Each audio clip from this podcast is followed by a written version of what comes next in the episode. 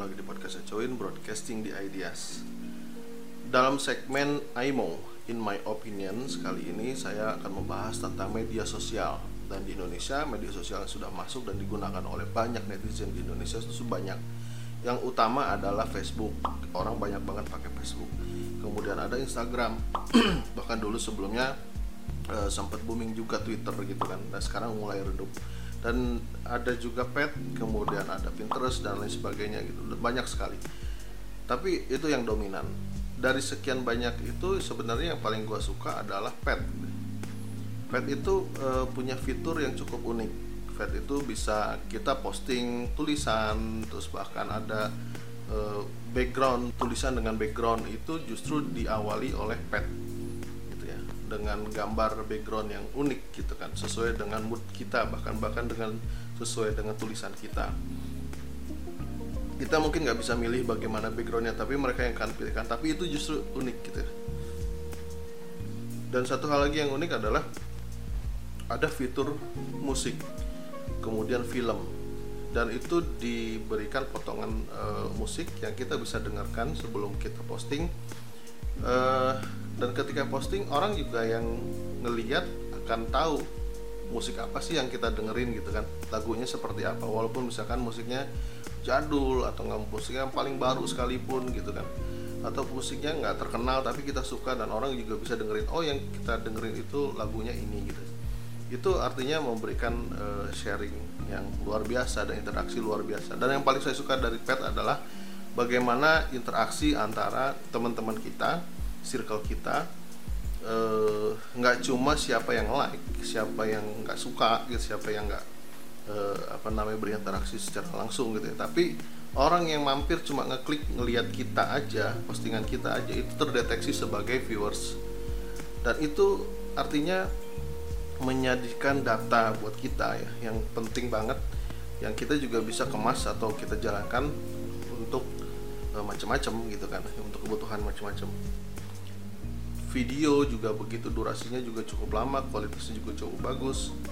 Kemudian uh, ya ada banyak lah di postingan itu. Dan bahkan di situ ada dibagi dua circle circle uh, inner circle ada yang uh, besar gitu dan walaupun itu juga digunakan oleh banyak uh, oknum netizen yang ya jadi kayak nggak pengen ketahuan kalau mereka selingkuh misalnya. Itu juga bisa terjadi gitu ya dan itu banyak sekali orang melakukan hal itu. Dan sayangnya pet ini nggak berlangsung lama cuma beberapa tahun dan akhirnya kolaps mungkin karena eh, masalah finansial padahal fiturnya bagus.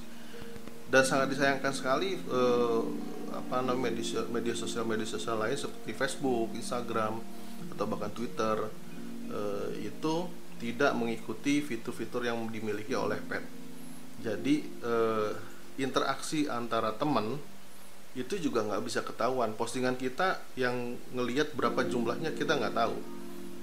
Kita cuma tahu e, berapa jumlah orang yang like atau bahkan dislike atau angry atau emoticon ya berdasarkan emoticon. Interaksinya cuma sebatas itu. Dan statistik dari dari interaksi itu juga akan kurang sebenarnya. Kita nggak tahu sebenarnya berapa jumlah orang yang ngelihat gitu kan.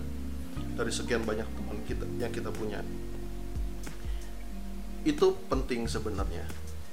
Dan yang paling uh, dan Instagram juga seperti itu ya. Jadi uh, postingan kita um, apa namanya ya viewersnya nggak tahu kita berapa jumlahnya. Terus yang kita bisa tahu mungkin cuma orang yang nge-like gitu kan.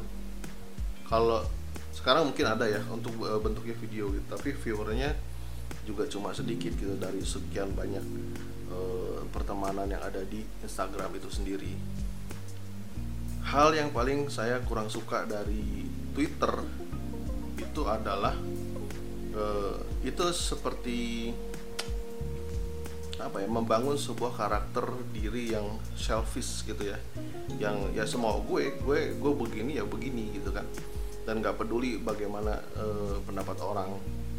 Dan itu kan cuma uh, apa apa menyaji sebe, lebih sebatas curhat atau bahkan maki-maki itu doang gitu. Dan interaksinya di situ juga nggak nggak bisa kita dapatkan uh, benefit dari statistik itu gitu. Ya walaupun secara global secara kelompok uh, itu bisa digunakan untuk melihat statistik melalui hashtag gitu ya. Ya seperti yang dilakukan oleh sekelompok orang gitu ya. Dan itu mungkin bisa dijadikan sebuah alat gitu ya ke depannya dalam media sosial. Ya itu sah-sah aja. Dan yang paling saya nggak sukai dari Instagram adalah banyaknya ghost follower. Dan eh, ghost follower itu sebenarnya gini itu adalah salah satu trik dari para instagramer yang ketika dia follow seseorang kemudian dia minta di follow by di follow back gitu ya. Dan ketika kita follow back dia unfollow kita gitu jadi dia punya follower sementara kita nggak punya follower dari dia. Jadi itu kecurangan dari Instagram Instagramer ya. Terutama dari luar negeri itu yang saya agak kurang suka gitu kan. Jadi di Instagram saya juga akunnya followernya ada banyak ya 3000 sekian tapi interaksinya nggak ada gitu. bahkan mungkin e, bisa jadi ya mereka cuma apa berhenti gitu ya.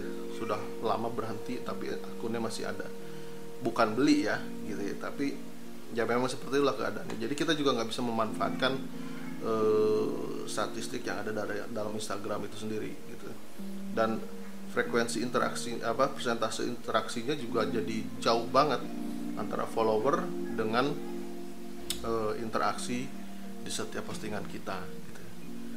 Dan media sosial ini sebenarnya banyak gunanya. Cuma sayang sekali ketika uh, di musim politik orang lebih banyak berpendapat uh, secara pribadi.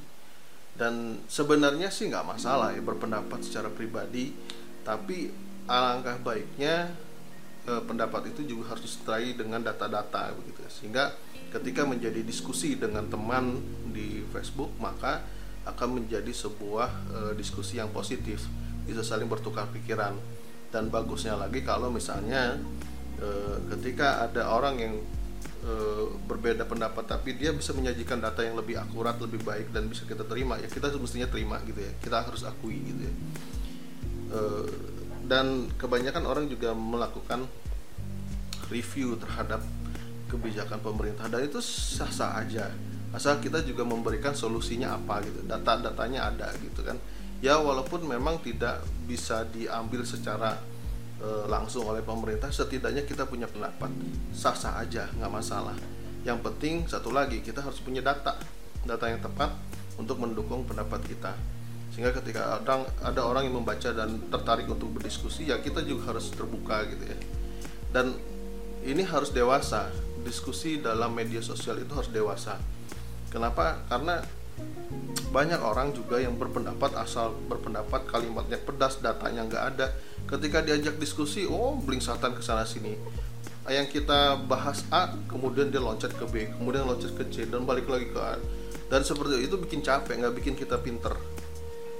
Yang bagus itu adalah ketika kita diskusi dia punya data kita punya data kita adu kita argumentasi dengan baik dengan santun ada ilmu yang bisa kita petik dari situ dan tetap persahabatan tetap terjalin gitu. Nah sayangnya nggak begitu. Kebanyakan orang justru berpendapat tanpa data, kemudian uh, ya asal nge, nge, nyeblak gitu ya, asal ngomong, kemudian ya asal menang aja gitu.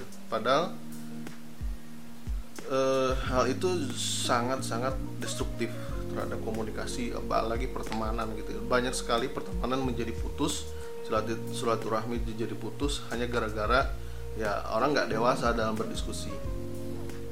Nah yang parahnya lagi adalah ketika kita memainkan media sosial